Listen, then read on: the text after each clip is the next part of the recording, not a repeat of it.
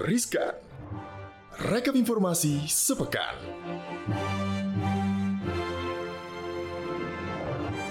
Hai Sobat Cuan Cuan. Hai apa kabar Sobat Cuan di pekan ini Semoga selalu dalam kondisi sehat walafiat ya Gal Oke. Oke oke oke oke Selamat datang di Riskan Rekap informasi sepekan. Sobat Cuan bareng Mara Katarina. Dan Gali Iksan. Iya kita balik lagi ya Sobat Oke, Cuan jumpa ya. lagi Sobat Cuan. Jumpa lagi.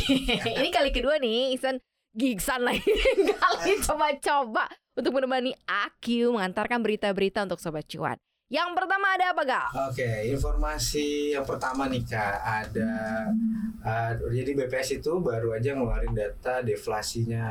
Hmm. Oh deflasi, bukan inflasi. Berarti deflasi ya? Oke, jadi Badan Pusat Statistik atau BPS merilis data inflasi Indonesia periode Agustus 2022. Hmm. Nah, secara bulanan memang terjadi deflasi nih Kak, tetapi secara tahunan inflasi tetap berada di level tertinggi. Oke. Nah, jadi pada Kamis kemarin, Kepala BPS Margo Yuwono melaporkan terjadi deflasi 0,21 persen pada Agustus 2022 Hmm. dibandingkan bulan sebelumnya. Yang terakhir terjadi deflasi adalah bulan Februari 2022. Oke, tapi kalau dibandingkan Agustus 2021 atau year on year ya kan Agustus ke Agustus, ini ada inflasi tetap di 4,69 persen. Jadi tetap eh, apa namanya tinggi ya inflasi intinya di year on year-nya. Meski masih relatif tinggi, tetapi melambat kalau di compare bulan lalu di 4,94 persen. Nah, kondisi ini nih Gal dan juga Sobat Cuan ya, karena belum pulihnya rantai pasok yang mempengaruhi harga internasional, harga pangan juga cenderung turun, tapi masih di level tinggi. Nah, harga impor bahan baku yang nilainya terus mengalami peningkatan, pelemahan nilai tukar dan tingginya harga akan menjadi beban bagi pelaku industri dalam negeri nih Kak. Nah, Nah, jadi rilis data inflasi ini searah dengan ekspektasi. Konsensus pasar yang dihimpun CNBC Indonesia memperkirakan inflasi bulanan pada Agustus 2022 sebesar minus 0,11 persen, sementara inflasi tahunan 4,83 persen. Oke, jadi ya kalau ada data inflasi atau data deflasi bukan berarti apa ya eh, langsung ada penurunan terhadap konsumsi karena biasanya drive di marketnya itu karena harga-harga yang turun gitu ya. Konsumsinya sih mungkin masih sama aja tapi karena harga turun jadi ya konsumsi sama harga turun jadi menyebabkan eh, nilai akhirnya deflasi gitu kan. Kalau inflasi kan karena kenaikan harga rata-rata kan, gal kan? Ya, ngerti orang son, ngerti kayaknya. Tapi kayaknya kalau yang ini sih Sobat John harus notice dan ngerti karena kita kan uh, lagi berada di in the middle gitu ya situations di mana harga BBM ini mau naik ya. Dan kalau dilihat dari BBM yang mau naik ini ternyata BLT untuk BBM yang terdampak ya Sobat Cuan 600 ribu ini sudah cair. Presiden Jokowi ini secara resmi telah memulai penyaluran bantuan langsung tunai bahan bakar minyak BBM per 1 September 2022 di mana penyaluran BLT dilakukan melalui PT Pos Indonesia. Nah, pemerintah dalam rapat terbatas atau ratas beberapa waktu lalu ini sudah memutuskan untuk menambah bantalan sosial berupa BLT sebesar Rp600.000 sebagai langkah antisipasi kenaikan harga BBM subsidi jenis Pertalite dan solar gali. Oke, jadi, dari berdasarkan hasil rapat terbatas tersebut nih Kak, total dana yang disepakati pemerintah untuk menambah dana bansos mencapai 24,17 triliun rupiah. Yes. di mana sebagian alokasi sebesar 12,4 triliun rupiah akan diberikan untuk BLT. Mhm. Pemerintah memulai pembagian BLT BBM yang diberikan kepada masyarakat selama 4 bulan. Per bulannya diberikan 150.000, jadi totalnya 600.000 rupiah dan diberikan dua kali. Oke. Nanti tuh 300.000, 300.000 gitu kak pembagiannya kak. Oh, jadi dapatnya totalnya 1,2 juta ya? Ya totalnya tetap 600.000. Oh, 600 ribu. Cuman kan Oh, oke. 4 bulan ya 300 300 600 ribu 1,2 gue mau pengen banget ya. Nah, Menteri BUMN Erick Thohir optimistis penyaluran BLT sebagai bantuan sosial atas pengalian subsidi BM BM ya yang diluncurkan Presiden Jokowi di kantor pos cabang Sentani Kabupaten Jayapura Papua yang akan berjalan tepat sasaran dan juga tepat waktu. Erick juga mengatakan bahwa BLT ini penting agar daya beli masyarakat tetap terjaga seiring dengan kecenderungan kenaikan harga akibat pengaruh krisis global yang tengah melanda di berbagai belahan dunia, ya Indonesia juga ikut terimbas di dalamnya. Geto negal. penyalurannya juga kan nanti eh, dibagi dengan tiga cara nih kak. Caranya gimana? Yang pertama tuh bisa diambil langsung di kantor pos Hmm. yang terdekat. Gitu. Ja- Jadi jarak 500 meter dari kantor pos itu nanti bisa langsung datang ke kantor pos. Hmm. Itu terus yang kedua menyalurkannya lewat komunitas seperti RT RW, kelurahan, dan Oke. kecamatan. Mm. Nah, atau terus yang ketiga nih Kak, dianterin juga langsung ke rumahnya bagi kalangan disabilitas, orang tua dan warga yang bermukim di wilayah 3T, yaitu Oke. terdepan, tertinggal dan terluar. Oke, jadi dimanfaatkan ya bantuan langsung tunai dari pemerintah ini mungkin kalau yang memang tidak terdampak terhadap eh, BBM karena tidak mengkonsumsi langsung gitu ya kendaraannya, tapi kenaikan harga akibat imbas kenaikan BBM ini mudah-mudahan bisa dikompensasi dengan bantuan langsung tunai dari pemerintah ya. Jadi harus pinter-pinter mengelola keuangan ya. Oke, lanjut nih Oke, Kak. next, Kak, nih berita yang satu ini juga cukup menyenangkan kali ya. Apa yang menyenangkan selain harga diskon? Nah, jadi kemarin kan sempat huru hara juga tuh ya narasinya kalau misalnya BBM bakalan naik nih per 1 Mm-mm. September. Ternyata kak, eh, nggak semuanya naik, justru malah diturunkan nih kak beberapa harga BBM ya kak. Oke. Gitu. Nah, jadi perusahaan minyak dan gas bumi plat merah yakni PT Pertamina resmi menurunkan tiga harga bahan bakar minyak non subsidinya per 1 Desember 2022. Harga BBM non subsidi yang mengalami penurunan di antaranya adalah BBM Pertamax Turbo, Dexlite, dan Pertamina Dex. Adapun rata-rata penurunan harga berkisar di antara Rp2.000 per liter pada masing-masing jenis BBM non subsidi tersebut. Mhm. Dalam halaman resminya web PT Pertamina disebutkan bahwa pihaknya melakukan penyusunan harga BBM umum Yes. dalam rangka mengimplementasikan keputusan Menteri ISDM nomor 62K garis miring 12 garis miring MEM garis miring 2020 tentang formula harga dasar dalam perhitungan harga jual eceran jenis bahan bakar minyak umum, jenis bensin dan minyak solar yang disalurkan melalui stasiun pengisian bahan bakar umum. Ya, secara spesifik misalnya nih, harga BBM Pertamax Turbo RON 98 turun sebelumnya 17.900 jadi 15.900 sobat cuan. Dexlite juga turun, semula 17.800 per liter turun jadi 17.100 per liter. Pertamina Dex dari semula 18.900 per liter jadi 17.400 rupiah per liter.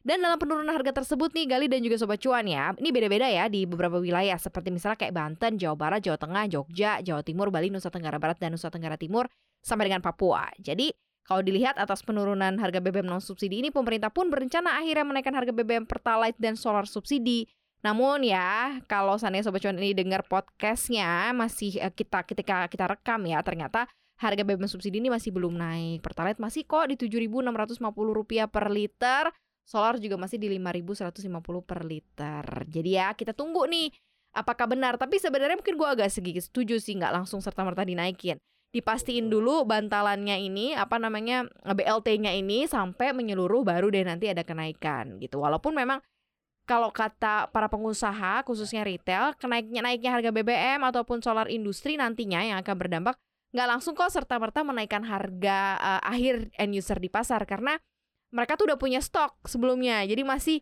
masih cukup aman sampai akhir tahun. Nah, awal tahun depan nih mungkin akan mulai bergejolak kayaknya Jadi kita nih. tunggu aja dulu kak ya. Betul. Kebijakan gimana nih kak? Betul. Ya, ini next nih kak, ada Mm-mm. informasi yang agak bikin ketawa gitu atau bingung gitu ya.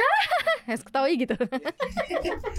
Jadi lagi-lagi nih kak, anggota DPR bikin heboh, kan? Dewan Perwakilan Rakyat lagi-lagi membuat heboh saat negara lagi kesulitan menghadapi besarnya kebutuhan subsidi bahan bakar minyak.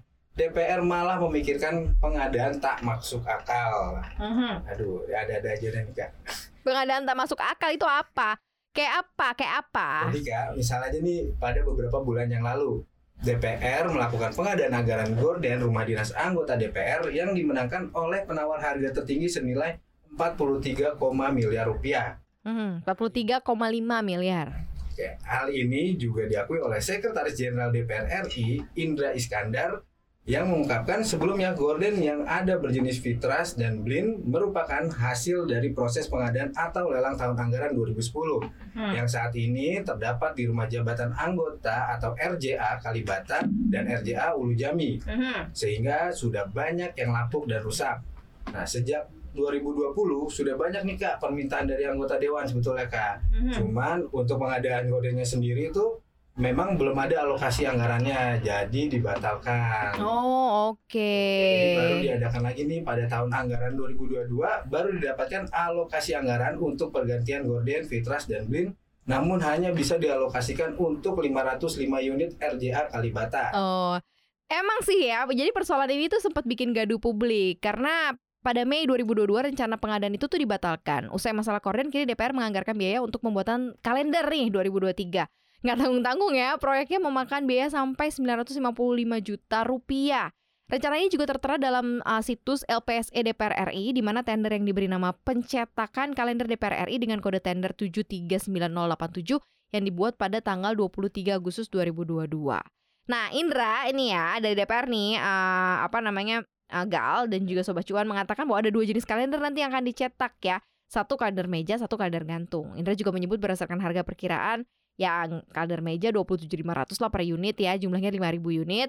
Kalender gantung 45.500 dengan jumlah 15.000 per unit. Hah, kalender gantung gue kayaknya harganya 15.000. Ini gimana? kantor? Ini kalender gantungnya bahannya apa? Mungkin ya. Mungkin kalender gantungnya digital kali. Oh yes, bisa swipe up ya. Iya. Shit gitu ya. Oke, Oke. Nah ternyata persoalan ini juga nggak cuma bikin heboh publik nih kak. Mm-mm. Sampai pada akhirnya nih Ketua Banggar Said Abdullah meminta pengadaan kalender itu di stop kak. Mm-mm. Said menilai karena Said menilai pengadaan kalender itu tak urgensi. Pasalnya, kata dia, setiap orang sudah memiliki jam tangan dan gawai yang juga menyediakan fitur kalender digital. Ngapain lagi gitu ya pakai cetak kalender? Tapi kan emang itu eh, tata letak atau tata eh, dekorasi ruang kan biasanya kalau di ruang DPR selalu ada eh, satu kalender di meja, satu kalender yang digantung, yang biasanya ada gambar presiden wakil presiden gitu kan. Dan kadang juga kayaknya lebih ada juga ya, lebih seneng ngelihat kalender gantung daripada ngeliat di jam kali ya. Iya, gue sih termasuk sih yang suka kayak Untuk nandain gitu gitu. ya. Ya udahlah kita serahkan ya semoga nanti eh, proses dari tendernya pun juga lancar jaya ya. Tidak ada uang yang tidak sesuai atau tidak tepat sasaran. Jadi semuanya tepat sasaran ya. Oke, yang paling baru lagi di mana Bank Indonesia tarik dua uang rupiah dari peredaran ya. Tahu kan bahwa ada beberapa uang rupiah baru diterbitkan tapi ternyata Bank Indonesia memutuskan untuk menarik dua pecahan uang rupiah dari peredaran. Seiring dengan terbitnya peraturan Bank Indonesia 24 garing 15 garing PBI 2022 terhitung sejak 30 Agustus 2022 kemarin ya. Mengutip keterangan resmi Bank Sentral pada 1 September kemarin, dua jenis pecahan rupiah yang ditarik ada uang rupiah khusus seri demokrasi pecahan 300 ribu rupiah dan uang rupiah khusus seri presiden pecahan 850 ribu rupiah. Gue nggak pernah lihat. Sedih. Oke, BI juga menjelaskan nih ke masyarakat yang memiliki URK tersebut bisa melakukan penukaran di bank umum terhitung sejak 30 Agustus 2022 sampai dengan 30 Agustus 2032 atau 10 tahun sejak tanggal pencabutan. Pergantian atas uang rupiah khusus tahun emisi 1995 yang dicabut dan ditarik dari peredaran sebesar nilai nominal yang sama dengan tertera pada URK dimaksud. Layanan penukaran juga dapat dilakukan di kantor pusat maupun kantor perwakilan BI sesuai dengan jadwal operasional dan layanan publik BI. Penggantian atas WRK dalam kondisi lusuh cacat ya.